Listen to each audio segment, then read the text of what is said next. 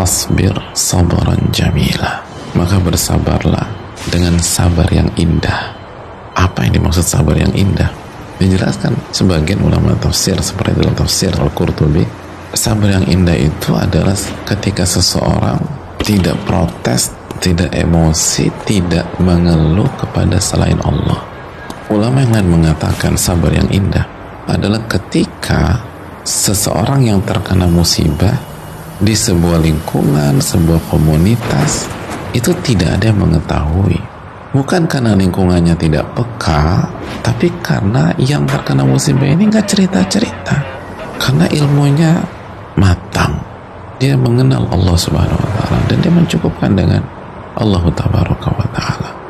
Kecuali ada hajat ya, ada maslahat. Misalnya dia sampaikan keluhannya ke dokternya, ya sama dokter harus cerita diri atau kita cerita ke guru kita ahli ilmu ustadz kita untuk dapat solusi.